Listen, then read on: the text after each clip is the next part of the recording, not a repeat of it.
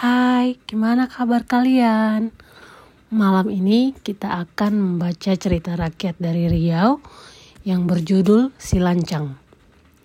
Di Kampar, Riau, tinggallah janda miskin bersama anaknya Si Lancang. Pada suatu hari, Si Lancang berkata kepada ibunya, Ibu, izinkan saya untuk merantau untuk memperbaiki hidup kita. Ibunya menjawab, Jangan pergi nak, ibu akan kesepian. Aku janji akan segera pulang begitu berhasil, Bu, kata si lancang.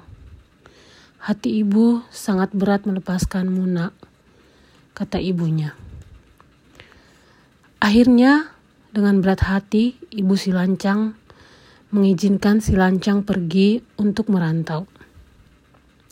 Si lancang pun pergi melantau. Bertahun-tahun lamanya, si lancang pergi merantau, namun tidak pernah sekalipun memberi kabar. Ibunya merindukannya setiap hari. Bertahun-tahun si lancang di negeri orang, dia bekerja keras untuk mendapatkan banyak uang.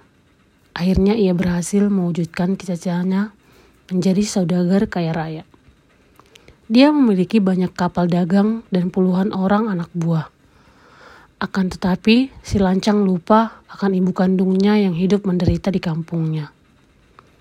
Pada suatu hari, si lancang berlayar dan singgah di Kampar, tempat kelahirannya. Berita kedatangan si lancang itu pun didengar oleh ibunya. Sang ibu mengira si lancang pulang untuk menemuinya.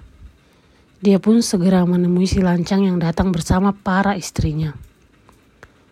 Wahai lancang, Betapa kau sudah menjadi seorang yang sangat terhormat.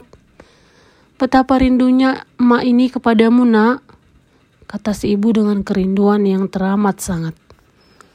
Melihat ibunya yang tua dengan pakaian lusuh, si lancang malu pada para istrinya. Dia pun segera memerintahkan anak buahnya untuk mengusir ibu kandungnya. Mana mungkin aku mempunyai seorang ibu sepertimu? Teriak si lancang. Anak buah, Segera nyahkan wanita tua ini dari hadapanku. Dengan perasaan hancur, sang ibu menangis dan pergi meninggalkan si lancang. Harapan untuk kembali bersama anak laki-lakinya itu hilang sudah. Si ibu pun pulang ke rumah.